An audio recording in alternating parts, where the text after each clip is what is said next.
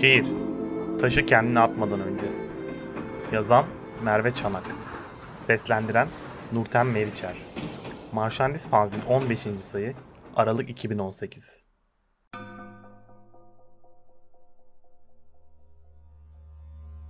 İnsanın sonralığı Tanrı'nın önsüzlüğünün yanında. Reddet bu karanlık kökeni. Fazla gecikmiş nefesi, puslu iç çizgiyi, iskeletin birliğini, bu yüzden hiçliğini. Bir boşluğun arkası sen arkanı döndüğünde zonklamaya başlar. Bazı şeyleri iki kere ve çok kere yaşamak mümkündür. Yaşam. Bir ıslaklığı bilmek ve ayağını sakınmak ondan.